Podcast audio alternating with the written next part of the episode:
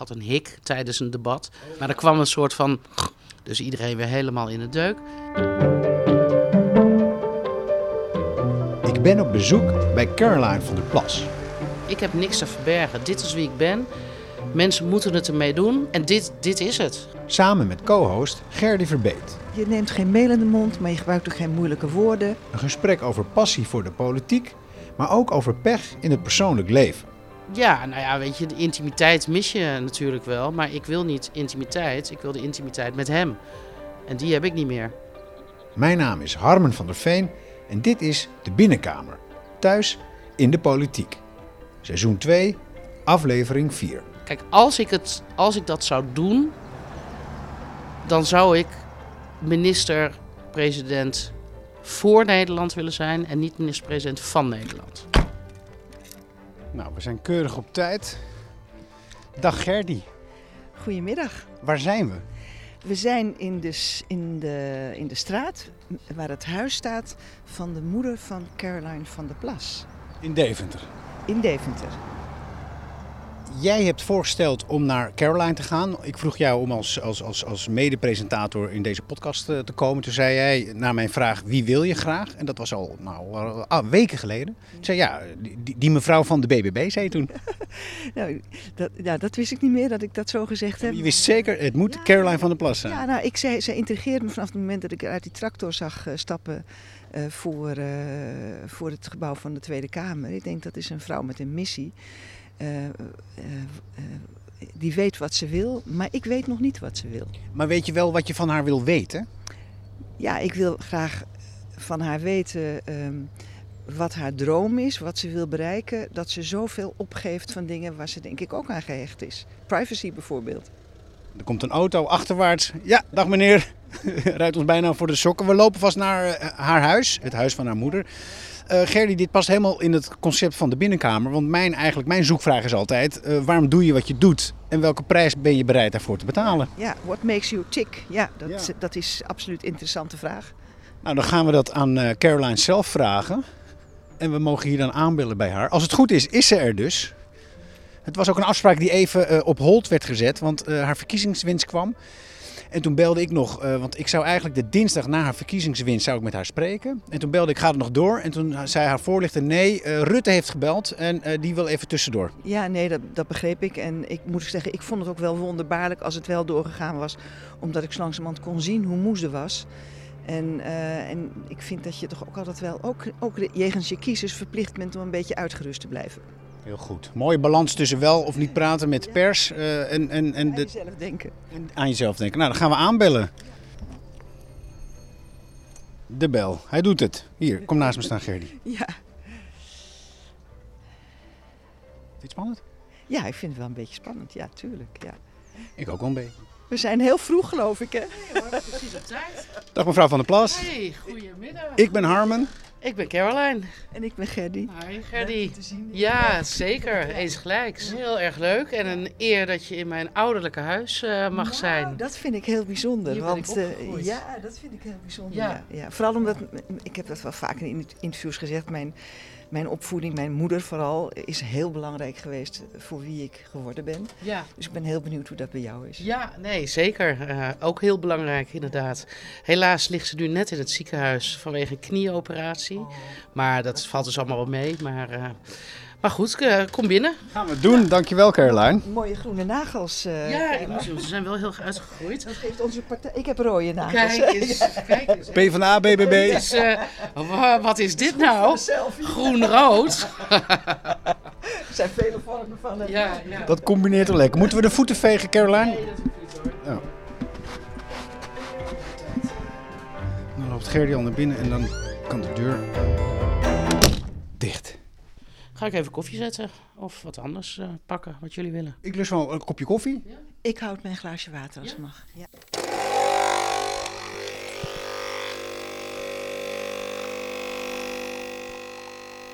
We zitten heerlijk eh, aan de tafel van je moeder, Caroline. Ja, Bekend terrein. Voel je je op je gemak? heel erg op mijn gemak. Ja, Vind je het leuk om geïnterviewd te worden eigenlijk? ja, ja. En wat vind je daar leuk aan? Nou, ik vertel altijd heel graag dingen, sowieso. Ik ben een heel open eh, iemand. eigenlijk open boek. eh, en ik vind het altijd leuk om dingen, niet zozeer over mezelf, maar ook over hoe dingen lopen of hoe je bij dingen voelt. Of ja, ik ben wel echt een prater. En je vindt het ook leuk om bevraagd te worden dus. Dat, dat, Ja, kijken waar het, waar, waar, waar het jou brengt ook. ja, en ik heb ook nooit dat ik van tevoren tegen een journalist zeg: ik wil eerst de vragen zien. Nee. Ik heb zoiets van, weet je, kom maar op. Kijk, soms bij een televisieprogramma heb je een soort voorgesprekje, maar dan gaat het meer over van waar gaan we het ongeveer over hebben. Maar ehm, ik vind dat eigenlijk het leukste om gewoon met open vizier in een interview te gaan. En, Onbekommerd. ja, en we zien wel waar we komen. Ja. Dat, eh, ja. Nou, dan is de officiële openingsvraag altijd voor mijn eh mede-presentator. Dat was Laurens, maar dat is nu Gerdy Verbeet. Dag Gerdy. De opening, ja, hebben we eigenlijk al gedaan. De openingsvraag is altijd, ehm, wat was je aan het doen ehm, terwijl we aanbelden? Maar ja, dat mag jij dus Ja, ik, ik vraag dan dus gewoon, dat wist je nog niet. Wat was je nou aan het doen toen wij aanbelden? Ik eh, was begonnen met kranten te lezen, de Stentor. Ah. Ja, dus die lag hier eh, op de vloer, zeg maar, in de gang. Ik denk van, oh ja, dan ga ik heel even de krant lezen voordat jullie komen. Heerlijk. Heb je, Ja. heb je hem zelf of is het de krant van je moeder? Dit is de krant van mijn moeder Oké. en ik heb zelf een digitaal abonnement. Ik lees Ah, hem ja. eigenlijk altijd digitaal, maar Ja. ik had hem vandaag nog niet gelezen, dus... eh, Ah, mooi. En, en, en zoek je dan ook wel eens naar jezelf en kijken hoe, hoe, en wat ze over je schrijven? Ehm, heel af en toe kijk ik even via Google op mijn naam wat er geschreven is. Heel veel krijg je natuurlijk wel mee vanuit de media. Maar er zijn ook wel eens andere media die je mist. En eh, dat is meer een beetje vanuit interesse van wat staat waar over mij. En klopt het allemaal wel wat ze schrijven? En, en ja, precies, maar soms, soms klopt het niet. Ja. Nee, soms klopt het, eh, klopt het niet. Of is het heel erg. Ik denk van nou, dit is wel heel erg kort door de bocht. Maar laatst had ik een hele vervelende ervaring dat via dat nieuwe programma eh ChatGPT, of zo heet het ook weer? Ja, ja, A- Dat- A- AI, ja dan kunstmatige je, intelligentie. ja, dan kan je zeg maar een opdracht geven aan een computer om een verhaal te schrijven. En dat had een site eh, gedaan om een verhaal over mij te schrijven. En ik kwam ineens eh, een bericht tegen dat ik eh, was geopereerd aan een eh, tumor in mijn alvleesklier. Dat ik alvleesklierkanker had. Nou, ik vond het echt heel erg, want mijn man is overleden aan alvleesklierkanker. En dat was een heel verhaal, dat het een heel grote schrik was voor mij, maar dat de operatie goed was verlopen, dat ik weer aan het werk was. Nou, ik vind dat gewoon echt heel erg bizar. Ja, kennelijk kan het. Ja, want die, die computer die haalt dan dingen door elkaar. Ja, die pakt gewoon allerlei dingen uit mijn leven waarschijnlijk en die pakt, plakt dat aan elkaar. Maar ja, ik kreeg dus heel veel appjes van mensen. Het, het stond ook op Facebook.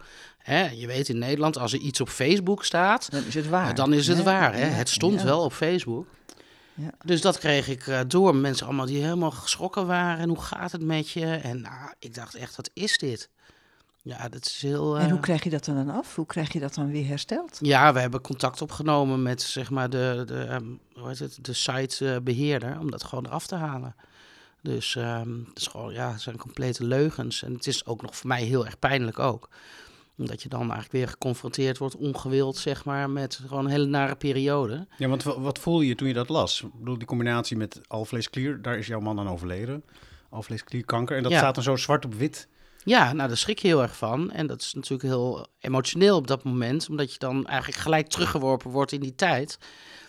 Ehm, maar ja, ja, ook het feit dat je, ja, dat, dat je denkt van alles kan tegenwoordig maar gewoon op het web gezet worden. En ehm, zonder mensen te vragen van eh, klopt dit wel? Geen feitencheck of... eh, nou ja, en dat vind ik ook voor zijn dochters. Eh, Jan was mijn tweede man, had zelf ook nog twee dochters uit een eerder huwelijk. Ja, die krijgen dat ook te zien. Dat is, weet je, dus ja, ik vind het gewoon heel naar dat dat eh, gebeurt. Dit overkomt jou natuurlijk ook wel deels omdat je dus in het centrum van, van de belangstelling staat. En steeds meer bent komen te staan nu naar je, naar je winst. Is, is dit een, een soort prijs die daar dan ook eh, voor betaald moet worden misschien? Die extra aandacht en dit soort gekke mislukkingen? Ja, nou ja, kijk, ik vind het wel een heel extreem eh, voorbeeld van iets waarvan ik denk van, nou, ik vind het echt niet kunnen.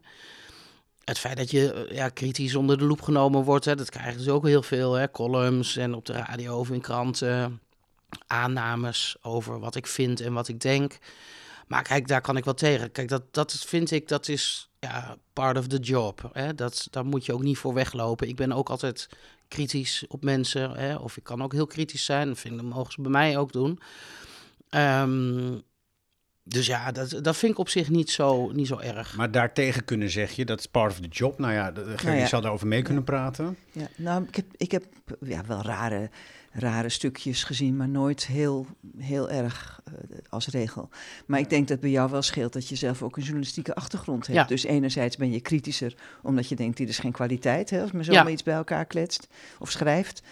Maar anderszins kan je misschien ook inderdaad beter omgaan met kritiek, Ja, Ja, is dat als zo? het maar zakelijk is. zeker. Nee, kijk, ik vind dat persvrijheid gewoon een heel groot goed is. En ik vind dat iedereen alles over mij mag zeggen hè, op het inhoudelijke vlak. Nou ja, ze mogen mezelf eh, zelfs een naar mens noemen. Ja, als mensen dat vinden, nou, dan vinden ze dat. Ja, Ja, of ze persifleren ja, of lach je uit. Ik bedoel, ik weet niet of je dat vind ik helemaal niet van erg. even tot hier hebt gezien. Dat het komische programma van de BNN Vara. Ja, kan ik allemaal wat tegen. Ja, ik heb er heerlijk om gelachen, maar Ja. eh, zetten ze jou gewoon, gewoon voor gek. En, en, en, en, en hebben ze heel veel lol. Ja, Ja. Maar, ik, ja, maar ik denk dat dat eh, voor Caroline en ik denk ook voor mij wel geldt. Dat, we wel, dat je wel in staat bent om jezelf ook te relativeren, toch? Zeker. In mijn tijd was dat Koevenoen, weet je nog? Ja, dat, oh ja. eh, moest ik ook altijd heel erg om mezelf Deden ze jou lachen. na dan? Ja, Is ja, ook- ja. Is misschien ook helemaal niet zo moeilijk. Gerdy's kerst met zo'n lijstje. En ik denk, nou, het is nog goed getypecast ook. Want ik- zo'n type ben ik altijd lijstjes maken en kijken of het allemaal goed gaat, weet je. Ja, En dat ze dat dan toch eruit halen, dat vind ik dan eigenlijk wel weer geestig, ja. ik vind het ook hoor. Ik kan er wel om lachen. Nou, ik bedoel, gisteravond eh, Johan Derksen en René van der Gijp weer over mijn... Ik had een boer gelaten. Er was geen boer. Ik, moest, ik had een hik tijdens een debat. Oh, Ja. maar er kwam een soort van... Serieus? Zo, Ja. ook wel... Ik kreeg een hik, maar er kwam een soort van Ja, ja, knallend ja. geluidje bij. Dat kan. Nou, daar hadden ze al heel erg om moeten lachen.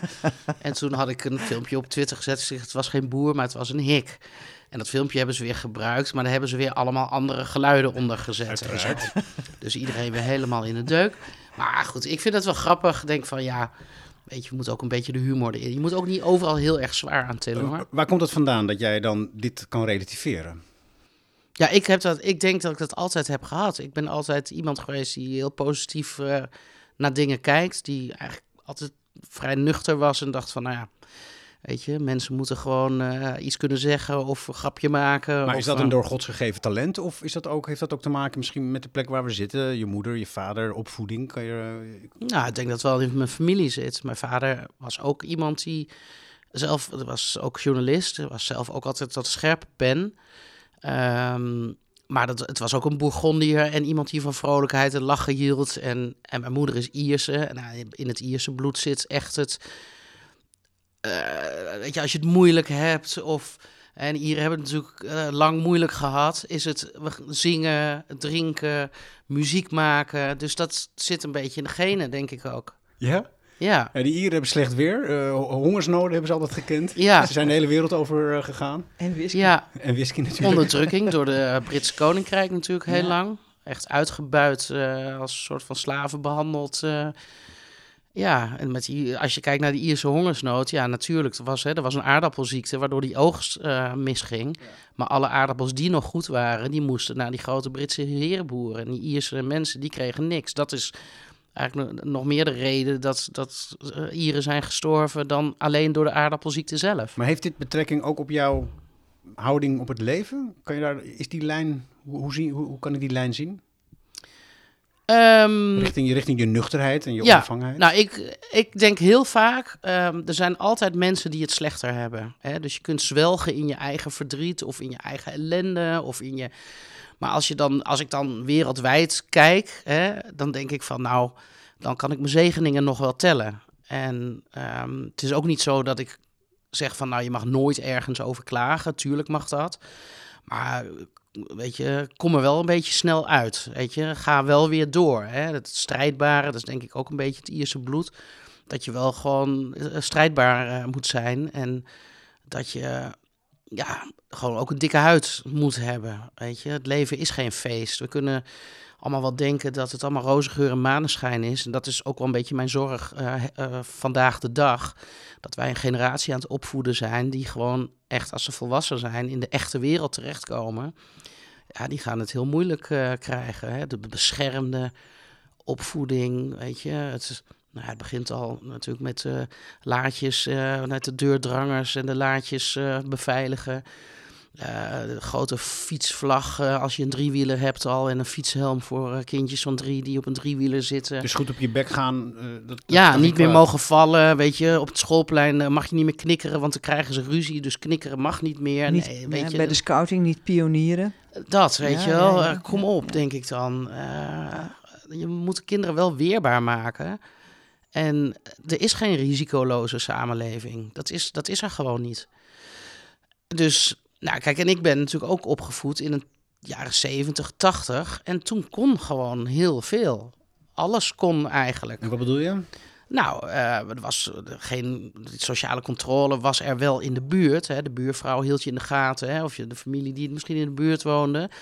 Ehm, maar nu zijn kinderen met een GPS-tracker Oh. worden ze gevolgd door de ouders. Ze, ze Eh, werden liefdevol verwaarloosd eigenlijk in die tijd. Dat hoor je wel eens in de jaren 70, 80. ja, je moest gewoon lekker naar buiten kunnen vallen. En wij gingen s ochtends vroeg op zaterdagochtend, dat weet ik nog heel goed, dat we... Ja, dan eh, lagen mijn ouders uit te slapen en dan trokken wij onze trainingsbroekjes en trainingsjasjes aan eh, en de rubberlaarzen. En wij maakten hier een boterham en we gingen naar buiten. En mijn ouders die wisten dan dat we ergens buiten waren. En dan kwam je smiddags, uh, als stuiverzin begon op zaterdag, dat weet ik nog zo goed, stuiverzin, vier uur smiddags. Ja, ja. Dan rende iedereen terug naar huis en dan ging je een stuiverzin kijken. Ja. Wanneer, wanneer, wanneer eh, ehm, had jij het gevoel als je dingen zag of hoorde van je ouders, ehm, daar wil ik zelf ook iets aan gaan doen? Dus wanneer, wanneer, eh, wanneer werd je bewust van, ehm, van de mogelijkheid om, om zelf eh, eh, ehm, iets te, te willen veranderen? Nou, het begon eigenlijk als eerste, want ik wilde eigenlijk vanaf jongs af aan wilde ik alleen maar journalist worden. En ik ging altijd met mijn vader mee. Die was sportjournalist. Die ging dan hier eh, de velden af en naar Go Eagles en noem maar op. En die werkte dan thuis bijvoorbeeld op de typemachine zijn stukjes uit. Je had altijd een notitieblokje met notities. En ik vond dat zo mooi werk. Ik vond het zo mooi wat hij deed. Ik dacht altijd van, dat wil ik ook. En ik weet nog heel goed dat ik heel klein was. Ik eh, nog, volgens mij, voor de kleuterschool. En ehm, we hadden hier eh, zeg maar zo'n koffietafeltje. En daar ehm, lag, lag een notitieblokje van hem. En daar keek ik naar. En was ik eh, op een ochtend hier. Dan pakte ik een papiertje en een pen. En dan ging ik naschrijven wat hij had geschreven. Oh.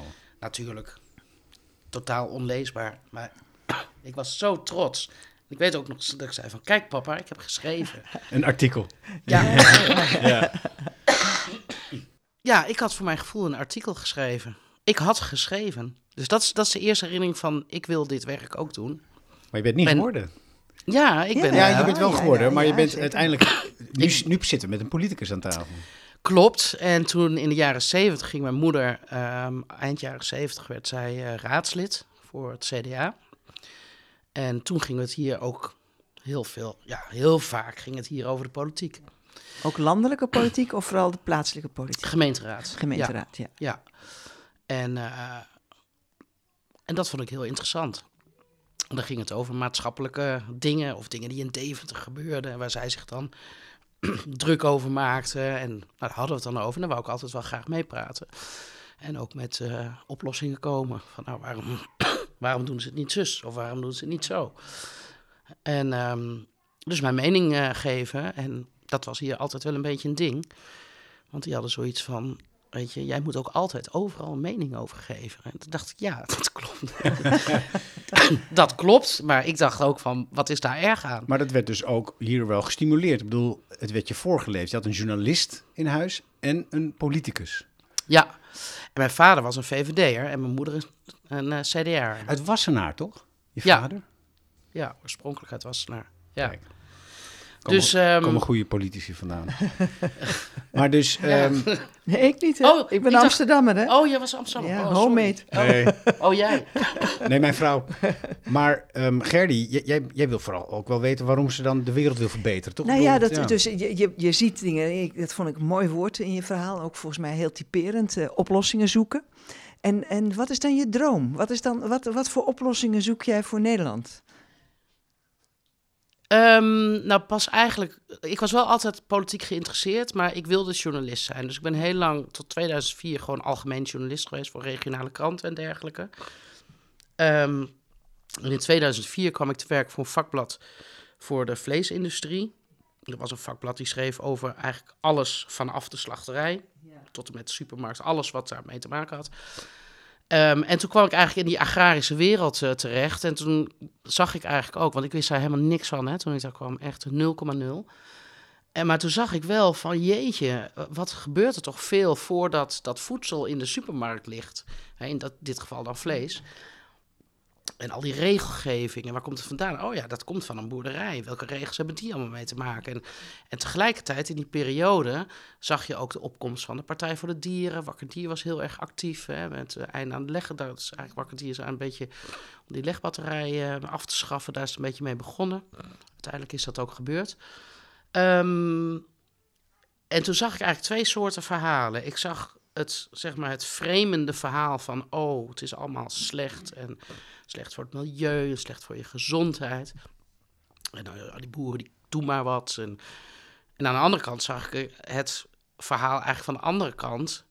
van hoe, hoeveel regelgeving er bijvoorbeeld is. En uh, ja, wat boeren allemaal moeten doen voordat ze, de, koe uh, uiteindelijk gemolken wordt of het varken uiteindelijk naar de slacht gaat. En toen dacht ik wel van, weet je, dit, klopt gewoon een heleboel niet van wat er wordt geschreven en gezegd. Het wordt heel erg vreemd van, ja, die de, ja, de maatschappij wordt eigenlijk een soort van een eenzijdig verhaal verteld.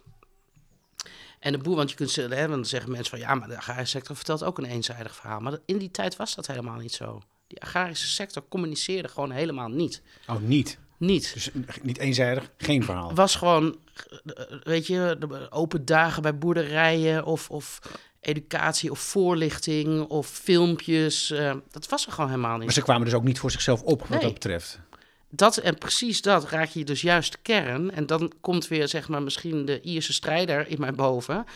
Dat ik dacht van, weet je, ik vind het wel onrechtvaardig. Want we kunnen, natuurlijk kunnen we het erover hebben. Dat vind ik dat is ook helemaal prima. Maar het moet wel op een zuivere manier gebeuren. Maar toen werd je van journalist een soort belangenbehartiger. Dat is wel een, dat is wel, is wel een stap even. Ja, niet? nou kijk, um, ja, een belangenbehartiger. ik, ik ja, kijk, ik was natuurlijk mijn hele leven al bezig met communicatie in de vorm van journalist zijn. Ja. En ik weet, hoe belangrijk, ik weet ook hoe belangrijk het is dat er gewoon mooie, goede verhalen in de krant terechtkomen. En dat mensen nemen dat in zich op en die gaan zich daar een mening over vormen. Dus, en ik eh, zei wel heel vaak in de sector, tegen de belangenbehartigers dan bijvoorbeeld, of tegen boeren zelf. Van jongens, jullie moeten wel gewoon, jullie moeten hier wel iets mee. Want dit, en zij hadden nog een beetje, uh, zaten nog een beetje in de periode van ja, weet je, waarom moeten wij er aan... Alles wat je aandacht geeft, groeit. Ja, als wij hier aandacht aan geven, weet je, dan wordt het alleen maar groter. Um, toen kwam de Partij voor Dieren in de Kamer. Nou, er werd heel een beetje lacherig over gedaan. Van, nou, een beetje over vier jaar is dat weer weg. En toen zei ik ook, weet ik nog heel goed, ik zei, dit gaat niet weg. Dit gaat niet weg, dit wordt alleen maar groter. En je zet jezelf op een achterstand. Als je niet aan de maatschappij vertelt wat je doet... en hoe je het doet en waarom... Hè, dat is niet alleen hoe is belangrijk... maar vooral het waarom maken wij die keuzes...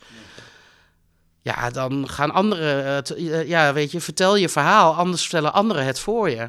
En dat is, heeft heel lang geduurd voordat dat een beetje tot de sector doordrong van ja, we moeten wel gewoon ook ons verhaal vertellen. Saskia Stuiveling zei altijd, het is veranderen of veranderd worden. Zie jij dat ook zo? Ja. Dus je moet zelf uh, ja. meegaan. Saskia Stuiveling even? Sa Saskia Stuiveling was uh, de vroegere president van de Rekenkamer. Ja.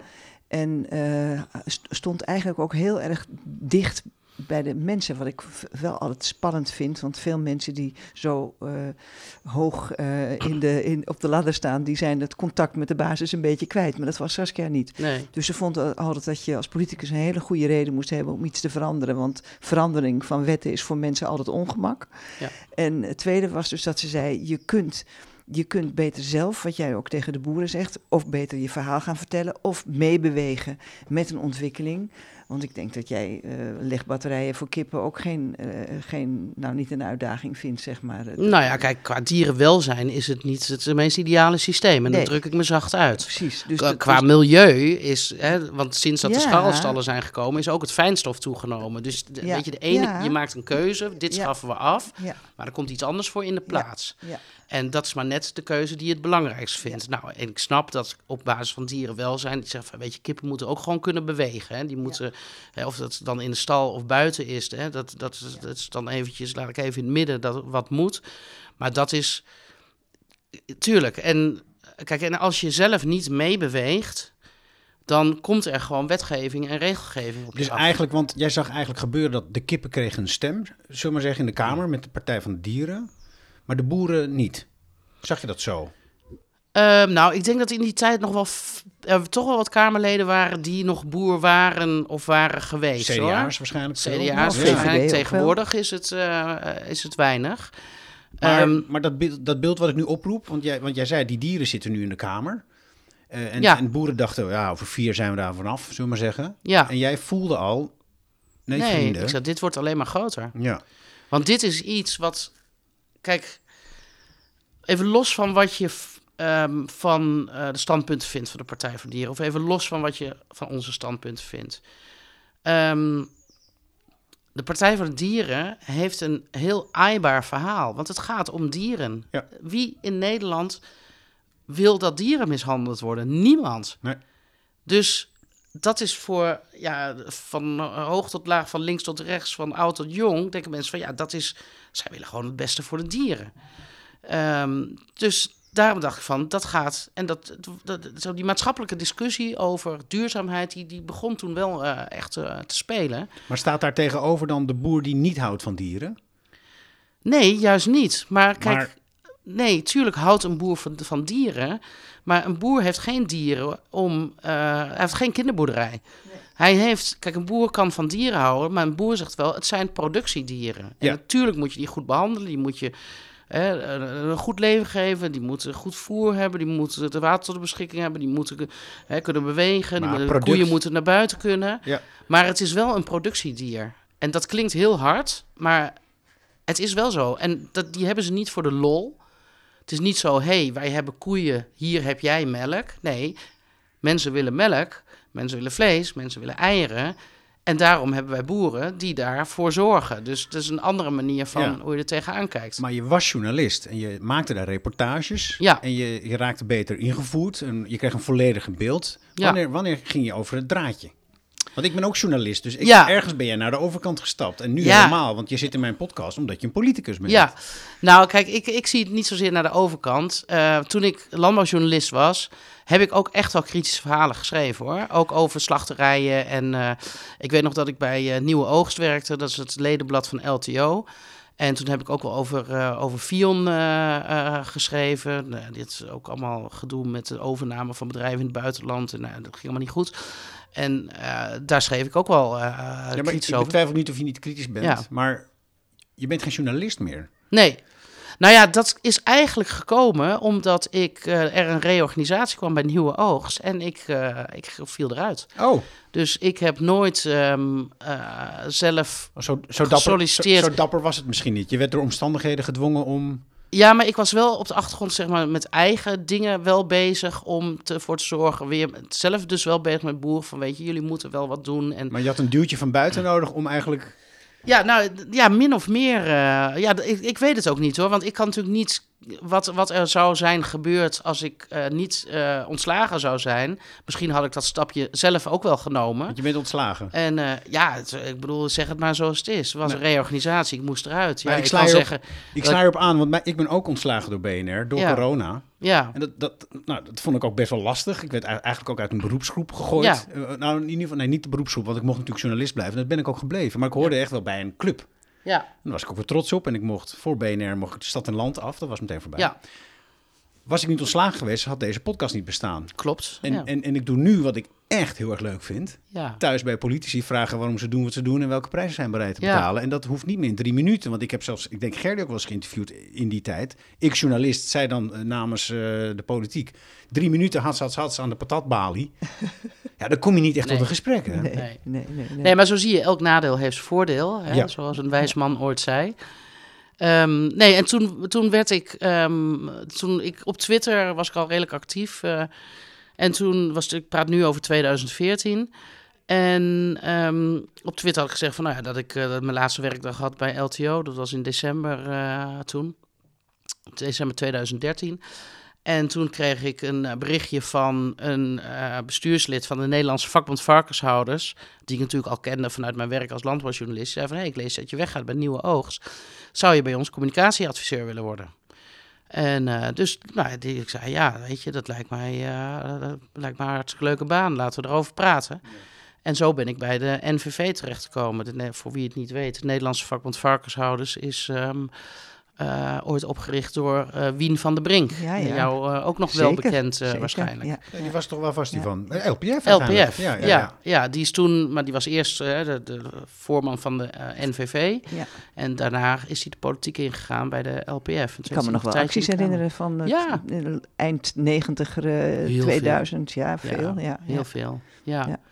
Maar wanneer, want dat boeit mij dan wel, want je heet Boerenburgerbeweging. Ja. Wat is dan, want ik kom toch weer terug op die droom. Wat is dan jouw droom waarom je die beweging ook die naam hebt gegeven? Want je, ja. Eh, dat, dat ben ik dan echt in geïnteresseerd. Nou, dat stamt dus eigenlijk uit die tijd met die, dat ik vond die boer-burgercommunicatie moest op ja, orde ja, komen. op die manier. Ja. En ik ben in 2013, daarom zei ik op de achtergrond, deed ik al wel wat projectjes, zeg maar, qua communicatie.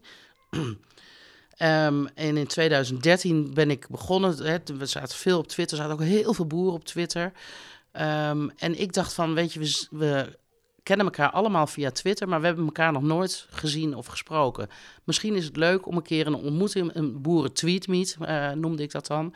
Dat we de Twitterboeren eens een keer bij elkaar brengen en gewoon bij elkaar op het erf gaan kijken en noem maar op. Nou, dat is ervan gekomen, was een heel groot succes. Daaruit is voortgekomen dat die boeren die ik dus kende ook allemaal via Twitter, dat ik dacht van, hey, Twitter is misschien wel een hele goede manier om te communiceren op een laagdrempelige manier. En um, dus toen um, was ik een keer in Ierland, en dat, ik praat nu over 2015. Toen was ik in Ierland uh, bij mijn familie op bezoek en mijn nicht had een Twitter-account één week van de VVV in beheer. De plaatselijke VVV in Limerick gaf een inwoner van Limerick één week het beheer over Twitter-account. En die kon dan alles over Limerick en wat ze deden. En toen dacht ik, dit is het. Dit is het. Dit ga ik ook doen. Maar dan voor boeren. Dus ik richtte een Twitter-account op. Dat heette Boerburger Tweet. En ik gaf de eerste, elke week... De eerste twee B's waren binnen? Ja, ja, ja, ja. ik gaf uh, elke week een boer of een tuinder, een teler, een visser... Sorry. Ik gaf elke week een uh, boer of een tuinder of een teler of een visser het beheer over dat account met als doel: laat mensen zien wat je doet. Wat gebeurt er voordat dat glaasje melk op tafel staat? Wat gebeurt er voordat dat stukje vlees of die aardappel of die appel ja. op tafel zit? En die konden dan een hele week daarover twitteren met filmpjes en foto's. En op die manier in contact treden met burgers die ook op... Want die konden dan vragen stellen. Nou, dat werd uiteindelijk Twitter en Facebook. En dat, um, nou, dat was echt een heel groot succes. Mensen vonden het ontzettend leuk om te, te doen. Maar mensen uh, die geen boer waren, die vonden het ontzettend leuk om te lezen. Die leerden ontzettend veel van, oh, nooit geweten. En uh, ja. burgers gingen bij die boeren op bezoek van, goh, mag ik een keer op je boerderij kijken? Ja, tuurlijk. Dus er kwam een hele communicatie op gang, zeg maar. En uh, van dat Boerburger Tweet, het sociale media project heb ik uiteindelijk een boek gemaakt. Ja. Ik heb dropjes in de auto. Ik heb een Fisherman's Friend. Oh. Ja. Mag je nemen hoor. Ja. Ga ik even doen. Maar dat, dat boer-burgerboek, dat, eh, dat is dus eigenlijk een, een boek waarin de boeren aan de burgers vertellen uh, zeg maar wat, uh, met, met wat voor passie ze hun werk doen, hoe ze dat doen, wat ze willen bereiken. Maar het is dus een, het, het verhaal van de boeren eh, richting de burgers. Ja. En waar zit dan, want je, je, je hebt ook heel veel stemmen van niet-boeren gekregen, want anders had je het niet zo goed gedaan in de verkiezingen. Waar zit dan jouw droom voor de burgers? Ja, weet je, het komt allemaal eigenlijk neer op um, dat je wil opkomen voor mensen die het lastig vinden om voor zichzelf, of hè, die geen grote bedrijven achter zich hebben. Of, uh, weet je, of uh, grote uh, ja, mensen die zichzelf eigenlijk niet kunnen ja, verweren. Of nou ja, een beetje, wij hebben ook wel heel erg gekeken van hoe kan het dat de Partij voor de Dieren zo succesvol is. Hè? Vrij kleine partij, maar ontzettend veel invloed. met, hun, met hun standpunten en met het beleid wat er gemaakt is. En eigenlijk is dat een beetje hetzelfde als wat ik dacht. Van weet je, de boer, daar begon het mee. Maar ook heel veel burgers zitten in de knel. Heel veel burgers die. Um, en dat, bij ons was de focus uh, in het begin uh, zeker het meest op het platteland. En dat zeggen we nu nog steeds. Hè, de stem van en voor het platteland. Er wonen hier heel veel mensen op het platteland. En het platteland noem ik alles buiten de vier grote steden. Dus ook de Randstad heeft platteland. Denk maar aan het Groene Hart bijvoorbeeld. Die eigenlijk niet vertegenwoordigd zijn in Den Haag. Hun stem wordt eigenlijk niet gehoord. Ook niet door de Partij van de Arbeid dus? Nou, nee, kijk, je ziet dat de Partij voor de Arbeid natuurlijk wel echt serieus veel zetels heeft verloren. En in mijn optiek is dat dat mensen.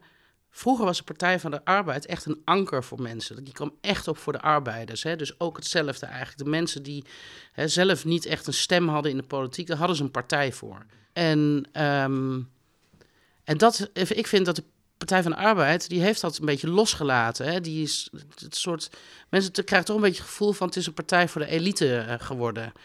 En uh, zoals ik het zie, kijk, in mijn tijd, hè, oma vertelt, had je zeg maar mensen hè, met weinig geld, die stemden links. En mensen met veel geld stemden rechts, hè, VVD bijvoorbeeld. En dat is nu helemaal omgedraaid. Mensen met veel geld, die veel te besteden hebben, stemmen op linkse partijen. En mensen die eigenlijk weinig hebben, stemmen nu vaker op rechtse partijen. Die situatie is helemaal omgedraaid. En, um, en dat is wat het P, de PvdA volgens mij een beetje uit het oog is verloren om echt op te komen. Kijk, met al die klimaatmaatregelen en al die, die groene agenda, is allemaal hartstikke leuk. Maar heel veel mensen kunnen niet mee daarin. Weet je, die, ja, die denken, oh, elektrische auto, zonnepanelen. Joh, ik eh, ben blij als ik aan het eind van de maand iets overhoud. En inmiddels denken mensen van, ik ben blij dat ik überhaupt mijn rekeningen kan betalen. Maar Gerdy, voel jij ook aangesproken hierdoor? Nou, zeker wel. Ik, en ik heb, uh, en breder dan, dan denk ik alleen de Partij van de Arbeid. Ik vind dat in de Tweede Kamer, en daar heb ik in de periode dat ik zelf voorzitter was, uh, ook vaak wat over gezegd. Uh, veel te weinig mensen met, uh, met een praktische opleiding zitten. Ik vind dat we ja. ja gewoon en ik denk dat het ook moeilijk is als je zo lang in een milieu leeft van allemaal hoogopgeleide mensen, om dan nog echt te kunnen voelen uh, wat het is om uh, met, een, met een klein inkomen uh, de touwtjes aan elkaar te knopen. Maar dus... denk, je, denk je dan dat, dat, dat Caroline, um, ja, we zitten hier bijna het analyseren waar je bij bent, maar dat doen we met z'n drieën. Denk je dan, Caroline, jij, dat je gewonnen hebt ook omdat jij dat representeert? Nou, ik denk dat dat, uh, dat, dat uh, representeert. Maar in de Kamer dan? In de, ja, zeker. Maar ook omdat Caroline de gave heeft om uh, de dingen zo uit te leggen, uh, dat mensen je ook gewoon echt kunnen begrijpen. Ja. Ik bedoel, je neemt geen mail in de mond, maar je gebruikt ook geen moeilijke woorden. En, uh, en je, je komt nuchter voorop, je bent nuchter en je kan, kunt om jezelf lachen. Ik, dat, dat wordt ook, denk ik, zeer gewaardeerd. En uh, ja, dan, dan blijft natuurlijk nog wel dat er een aantal, en dat is, ik denk dat mensen ook heel realistisch zijn. Op een gegeven moment moet je natuurlijk ook als politicus uh, zeggen wat je dan voor die verschillende groepen uh, wilt bereiken. Want je krijgt, hè, dat hebben, heb ik natuurlijk ook meegemaakt met die periode van Rita Verdonk. die stond op een gegeven moment ook 30 zetels in de peiling, hè, een enorme populariteit. Ja. Maar er komt natuurlijk ook een moment dat die groepen aan, aan, verschillende groepen aan jou vragen, maar wat betekent dat dan voor mij? Hè, wat, wat, uh, wat, wat gaat de BBB doen uh, voor, nou ja, voor dat lage inkomen wat ik heb? Maar daar zit jij niet middenin, Caroline. Ik bedoel, je, ja. Je, je, je, zit tussen twee dingen in eigenlijk. Je was één en je bent nog steeds één, ja. maar je bent een machtsfactor van heb ik jou daar. Ja, nou kijk, overnight. Ja, dat, dat, dat klopt. Kijk, en dat is wel het mooie van de grote winst van ons in de provincies en daarmee ook in de Eerste Kamer. Nu kunnen wij nog beter laten zien wat wij inderdaad ook voor die andere groepen gaan doen. Je ziet in de, ja, de provinciale staten onderhandelingen, de verkenners hebben hun eerste nou ja, voorkeuren opgegeven, gezegd van nou deze partijen, daar zit er ook GroenLinks tussen, daar zit ook een ja, PvdA tussen, daar ja. zit ook een SP tussen. Wij staan daarvoor open. En um, ik stel me daar in die zin kwetsbaar mee op, omdat de boerenachterban natuurlijk denkt, ja, GroenLinks en PvdA en SP, uh, ja, hou, hou, even op. Weet je, die willen ons weg hebben. Maar kijk, als wij daarmee gaan onderhandelen, dan is het natuurlijk wel zo dat wij hebben een aantal hè, punten op tafel liggen die voor ons gewoon moeten staan hè, qua landbouw. Als GroenLinks, PvdA of een SP daar zich mee in kan vinden, dan kunnen we ook praten over andere zaken. Want heel veel mensen vergeten dat de linkse partijen wel heel erg opkomen voor het sociale domein. De ouderen, de gehandicapten, uh, de zwakkeren. In de, nou, de Kamer werkt toch best wel vaak samen met een GroenLinks of een SP, hè, die ook op die koopkracht um, zitten. En daar heb je wel een linkse partij voor nodig. Want als je het alleen maar rechtse partijen doet, dan zit je steeds alleen maar een beetje op die, econoom, hè, op die economie. Dus jij praat ook liever eigenlijk over de sociale punten en over de, de, de, de, de nou ja, wat Gerdy ook, ook zegt, over de, eigenlijk de, de, oude punten van de PvdA. Daar praat je liever over, lijkt het wel, dan over de rechtse punten. Nou, nee hoor, nee. Ik praat ook wel over de, weet je, de, de rechtse punten. Kijk, weet je, maar ik vind het een beetje lastig om over ja. echt typisch rechts, typisch links. Ja. Want kijk, ik zie ons als een brede volkspartij. Ja, hè, nou, op ja, sommige ja. punten. Misschien ben je wel de breedste volkpartij op dit Ja, moment. Het CDA niet, wat ja. ooit was, Ja. dat ben jij nu. Ja. Ja, Maar zeg je dan so- sociaal-economisch wat meer links en ja, in culturele zin wat meer behoudend? ja, ja. Kijk, en het, over het boerenstandpunt, ja, dat vindt iedereen rechts. Nee, ik vind, wij hebben gewoon een hele sterke agrarische sector met eh, hele duurzame eh, en de beste boeren ter wereld, bij wijze van spreken. Vruchtbare landbouwgrond. Wij gaan dat allemaal, niet, ja, niet allemaal, maar dat gaat fors minder worden. En we hebben aan de andere kant te maken met een vraagstuk. Hè, de VN heeft dat al aangegeven, Rode Kruis, eh, noem maar op. Dat we ook te maken hebben met ehm dreigende voedselschaarste, de voedselzekerheid in de wereld. maar maak het maar waar nu, Caroline. Want ehm, het ziet ernaar uit dat je nu echt macht hebt. Dat Ja. heb je gewoon. En, en nu moet je het waar gaan maken. En niet meer alleen, maar krijg je mensen om je heen. Ja. Ben je niet een beetje bevreesd, en anders zijn wij het een beetje voor jou, dat zij om jou heen komen? Ik bedoel, hoe goed je sollicitaties ook zullen zijn, toch Gerdy? Wij zaten in de ja, auto dat ook. is spannend. Ja, wie, wie, gaat er, wie krijg je om je heen? En hoe, Ja. hoe vrij laat je ze gaan? En straks eh, nemen ze een loopje met je, omdat ze ja, nog een appeltje te schillen hebben met een oud VVD'er ergens of een CDA. Ja, kijk, dat kan allemaal. Eh, dat kan allemaal gebeuren. Maar ik denk dat wij daarin niet verschillen van andere partijen. Dat kan natuurlijk bij alle partijen gebeuren. Ja, dat Ehm, vind ik weinig hoopgevend, maar het is in ieder geval realistisch. Nou, nee, kijk, je moet daar gewoon nuchter in zijn. Je moet niet denken van dat gaat ons nooit gebeuren. Nee, dus het gaat je dus gebeuren. dat, nee, het kan gebeuren. Nee, het kan gebeuren. je Daar houdt moet er je, rekening mee. ja, het moet altijd rekening mee houden.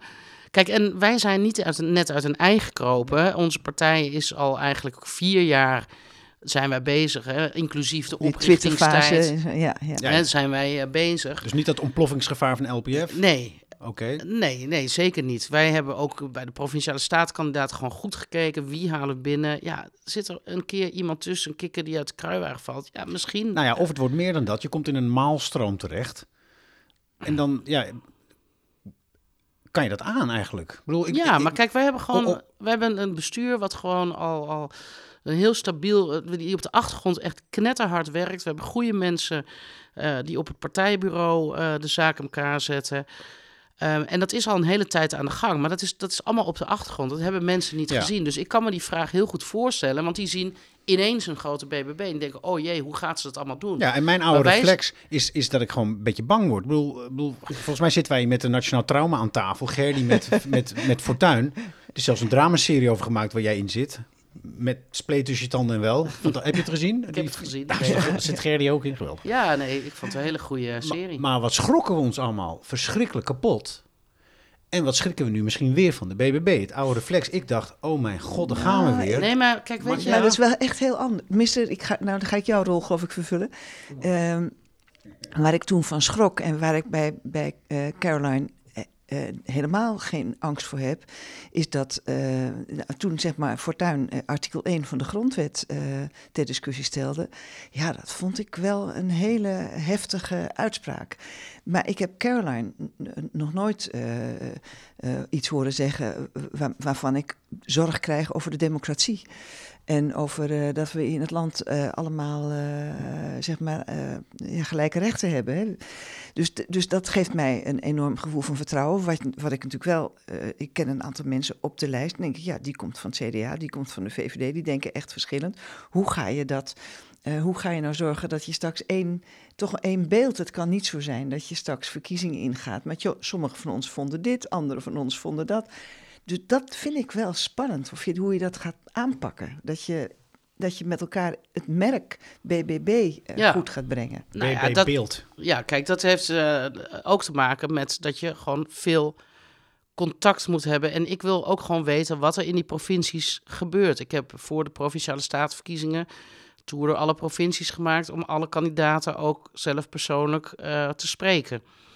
Ehm, eh, het heeft ook te maken met hoe richt je je organisatie in. Kijk, wij kiezen er heel erg bewust voor om gewoon een landelijk hoofdbestuur te hebben en rayons. Maar wij hebben geen provinciale afdelingen waar weer nog een bestuur in zit met nog meer mensen.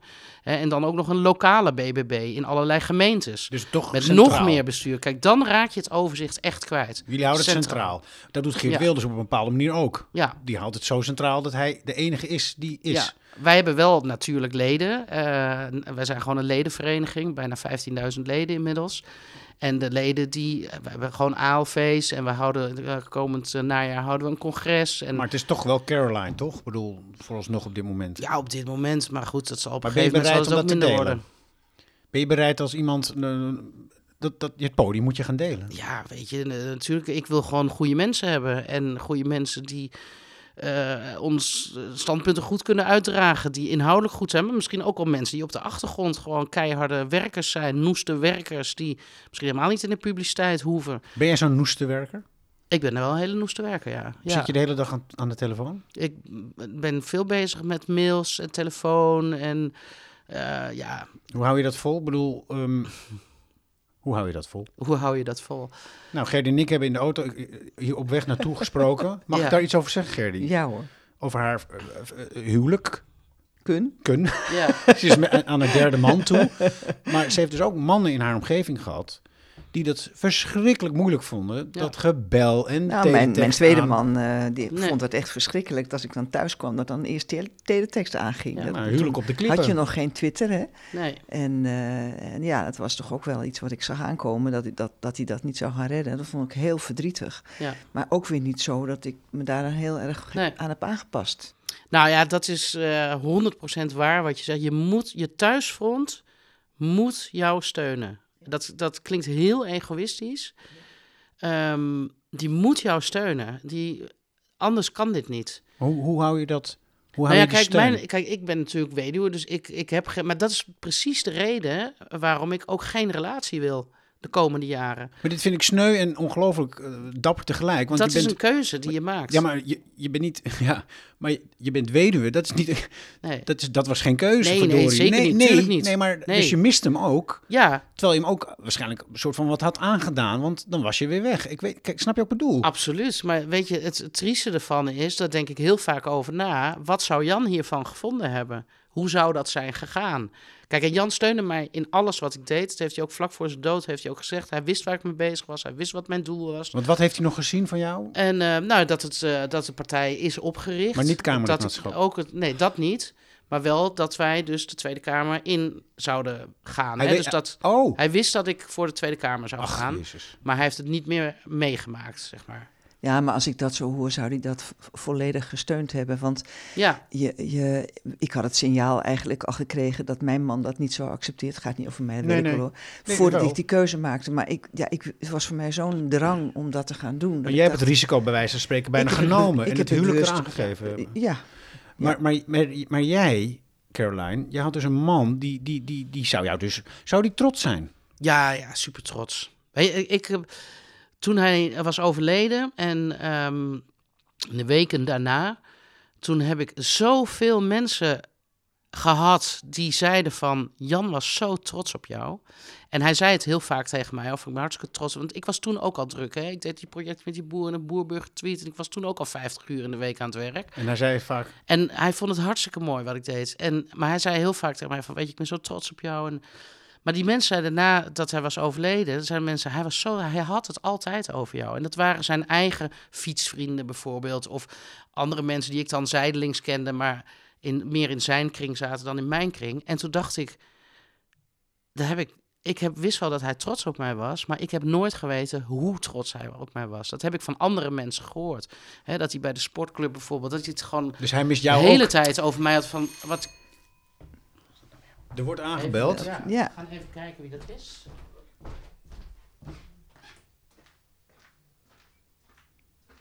Mooi hè?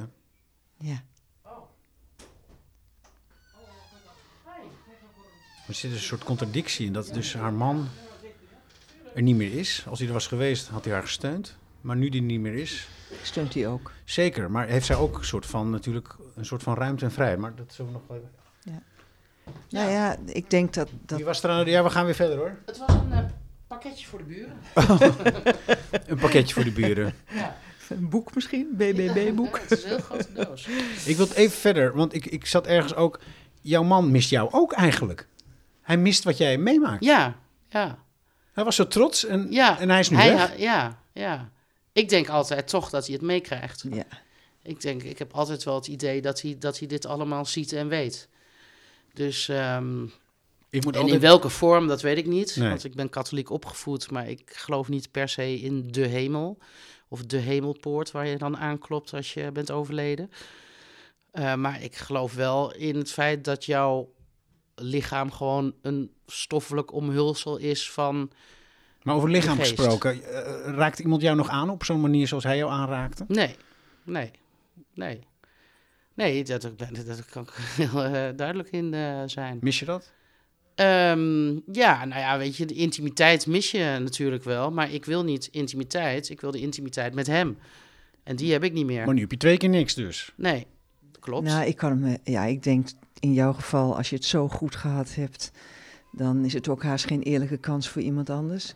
nee. En, eh, en dat je, eh, dus ik heb, dit is niet te vergelijken, maar ik heb met mijn beide ouders die er niet meer zijn, ook nog altijd wel, als ik over, voor een lastige keuze sta, behalve dat ik met mijn huidige man enorm goed daarover kan praten, toch ook altijd nog wel in gesprek met mijn ouders. Ja, Eerlijkheid, integriteit, dat was voor hun ongeveer het hoogste wat er was. Ja.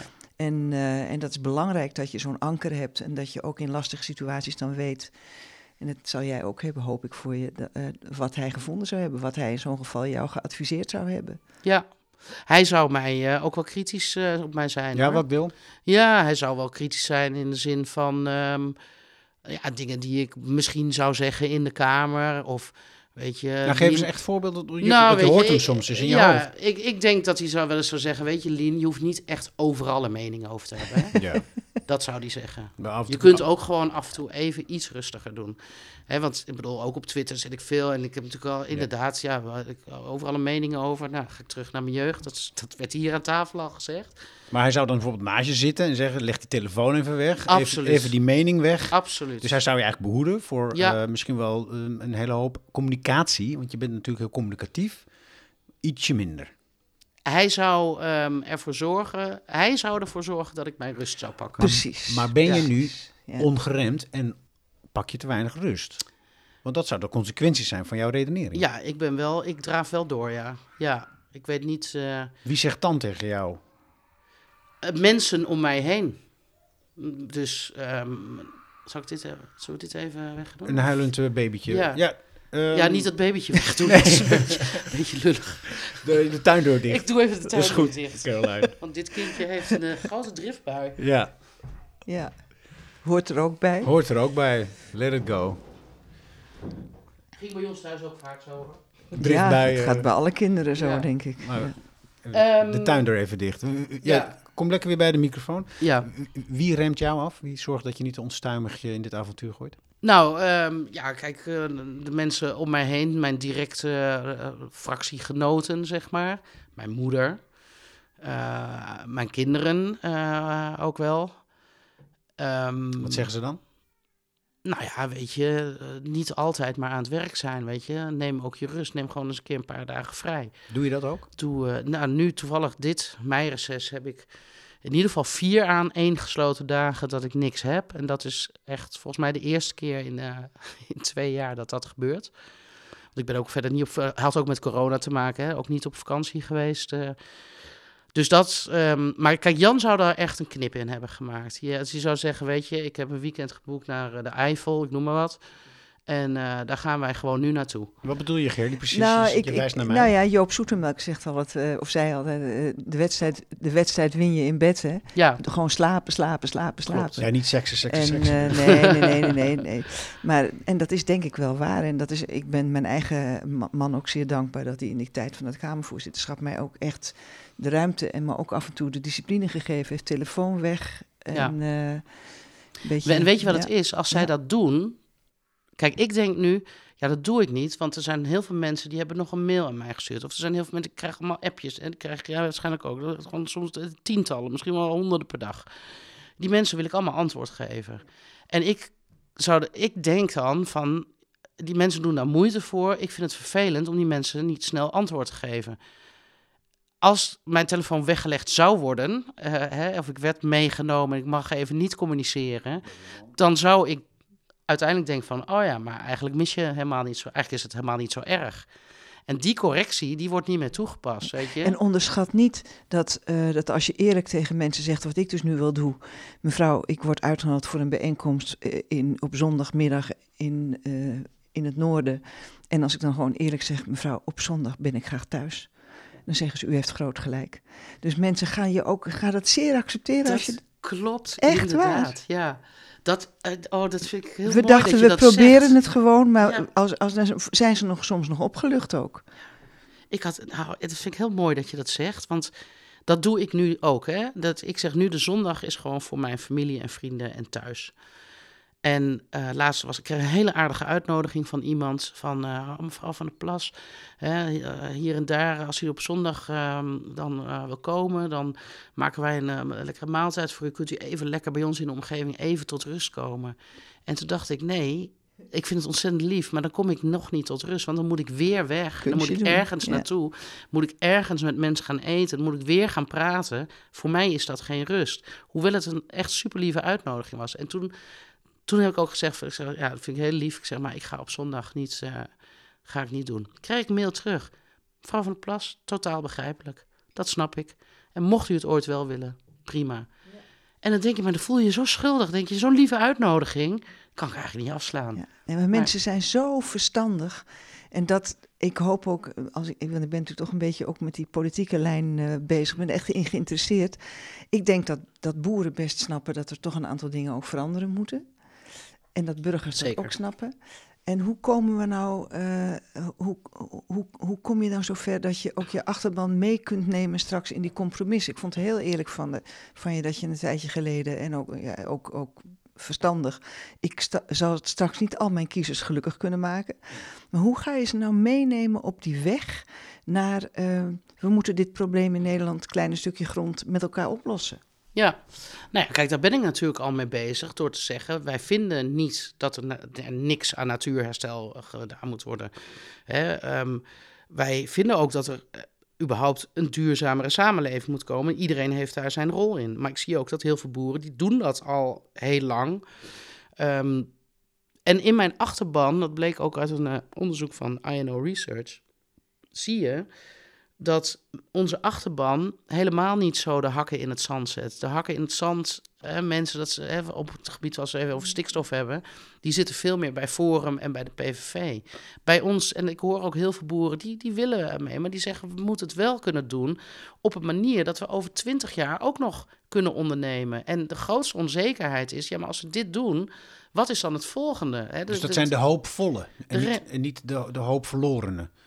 Ja, maar die zijn er wel als ze maar een goed toekomstperspectief erbij krijgen. Ja, En dat is het grote probleem. maar jouw achterban, zeg jij dus, blijkt ook uit onderzoek. En daar is Gerdy volgens mij ook naar op zoek. Die zijn wel hoopvol en willen uiteindelijk wel, met jou dan als frontvrouw, er toch samen uitkomen, of niet? Ja, zeker. Ik denk dat En jij dat- voelt ook dat mandaat. Ja, en er zullen altijd mensen zijn die dat niet willen. Dan moet je niet op BBB stemmen. Als dat echt het allerbelangrijkste is voor jou, van ik wil niet mee. Ja, Ja, dat is eerlijk om dat dan ook te zeggen. Ja. Want eh, dus er zijn natuurlijk altijd. eh, de stoomtram hebben we ook niet meer. Ik bedoel, je moet meebewegen. Hè? Ja. Dat, dat, is, dat is niet anders. Ja. maar er moet wel een alternatief zijn. ja. Caroline, je hebt al bewezen dat je een, een, een, breed, een, bre- een brede beweging eigenlijk in beweging kan krijgen. Ja, ik zit nu ook in de BBB's. Ja. Je hebt ook een leuke podcast, BB Bonje. BB Bonje. Ja. Complimenten daarvoor. Erg leuk. Je gaat in gesprek met je tegenstanders om te kijken of er nog raakvlakken zijn. Je hebt er nu al één tegenstander op zitten, Sander Schulp. Sander, ja. Ja. Ik wil Dolf Jansen nog eh, hebben. Ja. Die eh, ben ik ook wel vaak mee in de clinch, Ja. eh, bijvoorbeeld. En wie heb je nog wat- meer? Ja, er zijn wat ehm, regionaal raadslid eh, uit de Achterhoek, die wil ik nog eh, En in, de, vragen. en in de Kamer? In de Kamer zou ik Tjeerd Groot eh, graag nog wel eventjes willen spreken. Compliment voor het Dus, idee eh, en ja. ook leuke uitvoering. Ehm, maar je, jouw ambitie is, en je hebt het al bewezen, breed, maar ook midden. Dat betekent dat, ehm, dat je een grote groep aanspreekt. Het kan zijn dat jij de Tweede Kamerverkiezingen gaat winnen. Dan ben je in, in potentie ben je dan eh, een premierskandidaat. Ehm, zou je dat doen? Nou, niet per se. Het is niet zo dat ik denk van, ik wil minister-president worden. Totaal niet eigenlijk, zou ik zeggen. Ehm, ik heb al, kijk, als ik, het, als ik dat zou doen, dan zou ik minister-president voor Nederland willen zijn en niet minister-president van Nederland. Dus minister-president voor Nederland is dat mijn taken en functies en alles wat ik doe hier in Nederland gebeurt. Maar ik snap ook dat je moet reizen. Ik snap ook dat je naar Brussel moet of dat je naar Biden moet of weet ik veel waar naartoe. Ja. Dat begrijp ik. Dus dan zou je dan moeten denken, ja, dat zou je dan aan een ander moeten Want overlaten. dat wil je niet. Want dat vind je dan... Wat, waar, jij Ik vind dat er in, op dit moment in Nederland zoveel aan de hand is en zoveel aan de gang is, dat ik vind dat, we, dat je als minister-president je focus daarop moet leggen. Maar zeg je dit niet omdat je het gewoon doodeng vindt om naar Biden te gaan en ons te representeren? Nou, als, nee als hij hier komt, vind ik het prima. Oh, Dus, net als eh, Timmermans.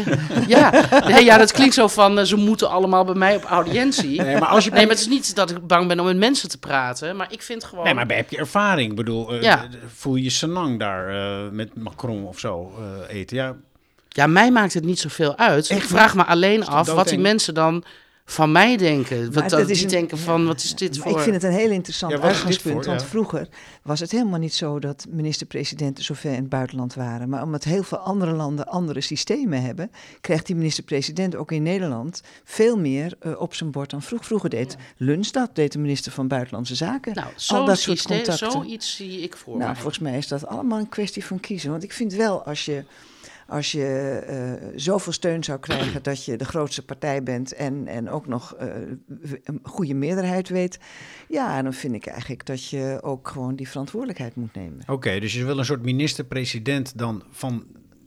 Soort in- voor Nederland. voor, Ja. bin- voor binnenlandse zaken, zullen we maar zeggen. Je blijft liever hier. Nee, algemene zaken. Algemene Algemene zaken. Ik ga je echt helpen hoor. Kijk, ik Dankjewel. vind... Heel goed, sta. Maar Ik, nee, kijk, ik, Ja. wat, wat ik vind is...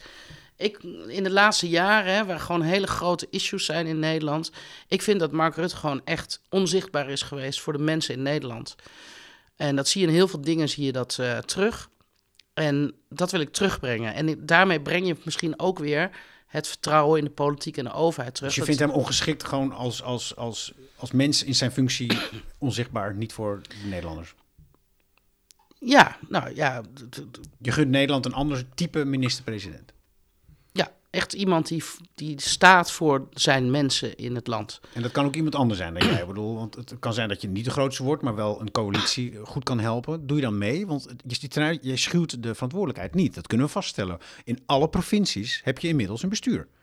Gefeliciteerd trouwens. Ja, Volgens mij is de laatste een paar dagen geleden tot, tot stand gekomen.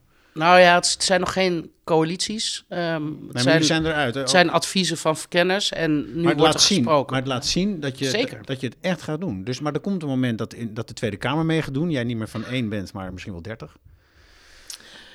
Eh, We hebben altijd gezegd, wij lopen nooit weg voor verantwoordelijkheid. En natuurlijk, als wij de grootste zijn of één van de grotere, willen wij verantwoordelijkheid nemen in een coalitie. 100 procent. weet je, wij zijn niet de eeuwige oppositiepartij. Dus ehm, nee, t- zeker wil ik dat. En dan tot slot, hoe ga je dan jezelf in de gaten houden? Want je hebt, je hebt af en toe hoestaanvallen, je hebt een griepje achter de rug. Ja, sorry Nee, maar voor. sorry, luisteraar. Nee, maar ik, ik, ik gun jou dus de komende dagen van reces en rust. Je hebt Ja. ons op een zaterdagmiddag uitgenodigd. Dat is ook al heel wat. Ik vond dat nogal, eh nou, vond ik heel lief. Maar ik, ik, maak me ook, ik bekommer me ook om jouw gezondheid. En je, Ja. Ehm, hoe ga je dat dan doen? Al- Als die Kamerverkiezingen zijn geweest en je zit daar met nog eens een keer eh 30 nieuwe mensen om je heen. Nou, ik denk juist dat mijn werk in die zin wat verlicht zal worden, want ik pak nu alles op. Weet je, ik doe en de kamerdebatten en de ronde tafelgesprekken en de hoorzittingen en het partijleiden en het contact in de provincies. En dat werk kan je dan verdelen natuurlijk. En dus dan zal het in die zin wat rustiger zijn dat ik niet mijn hoofd vol heb zitten met alles wat er nog moet uh, gebeuren. Ik hoop Dus, dat je eh, gelijk hebt. Gerdy, wat wil jij nog zeggen tegen Coraline voordat we af, afronden? Nou, bij het laatste aansluitend, eh, dat je jezelf, maar ook je kiezers een dienst bewijst door af en toe eh, aan jezelf te denken. En, ehm, nou, en, en dat, ik, dat ik echt eh, hoop dat je eh, ook eh, aan Nederland kunt laten zien dat, je, dat, we, dat we met elkaar alleen maar verder komen. Maar is misschien ook eh, als je ook eh, ja, af en toe eh, een compromis eh, durft te maken. En volgens mij eh, ga je dat doen. Dat, is, dat realiseer ik me en dat doe ik denk ik ook al op, op sommige gebieden. Als we kijken naar de discussie, het debat slavernijverleden, was voor mij heel makkelijk geweest om daar niet bij te zijn, omdat het toch wel Druk, gevoelig druk, ligt druk. en zo. Nee, maar Ja, ook dat ja, hè, de ja, discussie ligt natuurlijk gevoelig. Daar ben ik bij geweest. Daar heb ik, eh, ik kreeg ook wat kritiek van mevrouw Gunnan en mevrouw Simons. eh, van, eh, dat ik niet voor die, nou, ja, zo'n fonds was. Maar toen zei ik ook van, moet je luisteren. Ik weet dat ik heel kwetsbaar ben voor mijn achterban dat ik hier sta. Want er zullen echt mensen zijn in mijn achterban van... ja, mijn excuses is allemaal onzin. Ik zeg, maar ik sta hier wel en ik, ik sta daarachter, achter die excuses. Ehm, en als mensen dat dan niet willen, ja, oké, dan, dan niet. Dat, hè, dus dat is ook een soort van compromis. Ik ben niet bang voor om in een eh, soort van ongemakkelijke, onwelgevallige situatie te belanden. En als je dat wel bent, ja, dan ben je ook niet betrouwbaar als politicus. Nee, en je krijgt natuurlijk in een fractie, als het goed is, ook discussies. Ik bedoel, Ja. dat, eh, dus dat, als je daar niet tegen kunt, als je dat eh, als verlies ziet, ja, dan heb je geen leuke toekomst. Nee, Maar het is ook niet. hartstikke interessant als, het, eh, als je dan samen weer verder kunt komen. Ja, Maar volgens mij gaat jou dit ook goed af, omdat jij ehm, met je volledige eigen persoonlijkheid hier in, dit, in de politiek zit. Ja. Ik heb niet het idee dat jij eh, je anders voordoet of zo. Anders zou ook zo'n interview dit helemaal niet eh, uithouden, volgens mij, Nee. zo lang aan je eigen tafel en zo. eh. nee, kijk, en dat maakt het voor mij ook ja. makkelijk. En een beetje wat we in het begin ook over hadden: van weet je, ik hoef ook niet allemaal vragen vooraf te hebben en zo. Want ik heb niks te verbergen. Dit is wie ik ben. Mensen moeten het ermee doen. Als ze het er niet mee kunnen doen, nou oké, ja, dan spijt me dat heel erg. Eh, mensen kunnen mij ook wel vragen van, goh, kun je dit niet iets anders doen? Daar luisteren zal ik altijd naar luisteren. Als ik denk van, ja, dat past bij mij, dan doe ik het. En als ik denk, ja, maar dat past helemaal niet bij mij, dan doe ik het niet. En dit, dit is het gewoon. Dit en, is het. Ja. En je bent ja. ook bereid om de prijs ervoor te betalen die, eh, die af en toe eh, geleverd moet worden. Ja, Op, op, Zeker. Op, op, gezondheid of op... nou, ja, ik hoop wel dat ik... eh, Nee, Nog wat jaartjes meegeven. ja. Nee, absoluut. Dat is ook zo. En ik ben, ik ben me daar zeer goed van bewust. Zo'n griep blijft bij mij nu lang hangen. Waarom? Omdat mijn weerstand gewoon door alle drukte en weinig slaap gewoon minder is. Dus dat realiseer ik me en daar ga ik ook echt aan eh, werken. En ik ga wat vaker nee zeggen. Dankjewel Gerdy ook voor dat je dat even hebt aangestipt. Van dat mensen dan eigenlijk Zeer goed begrijpen. helemaal niet... Die begrijpen dat allemaal. Dus voor mij heel goed om dat weer even onder de neus gevreven te krijgen. Dus dat ga ik ook doen. En dan moeten mensen maar iets langer wachten op een eh, gesprekje met mij. eh. Dat is het rare. Ik weet niet, misschien tot slot nog even snel. Dat is het rare, want ehm, heb jij waarschijnlijk ook. Mensen zeggen tijd van pas goed op jezelf, neem je rust. Ja, ja, ja. En Maar volg- ondertussen vragen ze van, ja, ik weet dat je druk bent, maar zou je nog... e- dan denk ik van, ja, maar je wilt toch dat ik rust heb? Nee, maar ik, ik kreeg zelf ook eh, ooit een brief van iemand die ik had gevraagd om een boek van mezelf in ontvangst te nemen. En die zei toen, ik doe het niet, want ik versnipper te veel. Dus ik doe allemaal kleine dingetjes. Ja. En ik wil ook zelf nog eens een keer een boek kunnen schrijven. En dan moet ik nee kunnen zeggen tegen al die andere dingen. Ja, Dus ik gewoon eerlijk zijn. Mensen zijn zo slim. En Ja. ook eigenlijk aardig. ja, met, ja zeker. Dat, dat, dat zonder meer. En als ze je iets vragen, altijd blijven lopen. Zolang je door, dan kun je op een gegeven moment kun je ook door blijven Heb je lopen. nog een tip voor, de, voor het Ik had, nou, ik had Dat heb ik, ja, maar dat vind ik ook een goeie dat je Ja, dat zegt. Nee, nooit echt. gaan staan. Want dat heb ik inderdaad, ben ik me nu zelf ook aan het aanleren. Mensen van, Caroline, mag je even wat vragen? Ik zeg, ja, maar dan moet je wel even met me meelopen. Want ik ben, Ja, ja, nee, maar ook op straks, dan moet je even meelopen, want ik ben onderweg naar iets. Want anders word je steeds aangehouden en dan kom je nergens Ik meer, had- zeg maar. Ik had pas in, eh, in, in Den Haag dat een, eh, iemand die ook die, eh, die anti-corona dingen heeft georganiseerd. En vrij vooraanstaand in die beweging, geloof ik. Zei, mevrouw Verbeet, mag ik u wat vragen? Ik zei, ja, en mag ik dan ook een stukje met u meelopen? Ik zeg, graag, een stukje met me meelopen. Zeg, maar als ik er genoeg van heb, dan moet je ook weggaan. Ja, En op een gegeven moment zei ik, zo nou ben ik klaar. En toen ging hij weer En toen ging hij ook. Ja, lopen dus. duidelijkheid. Duidelijkheid. Heb je daarom de gimpen aan en geen hoge hakken als je in de kamer bent? Ja, nou zeker. Dit loopt wel wat makkelijker hoor. Ja, ik weet niet hoe die, al die vrouwen dat doen met die pumps eh, aan hoor. Echt niet. Nee, Dankjewel. graag gedaan. Leuk dat jullie er waren. Echt leuk. Ja, Echt leuk, ja. ja.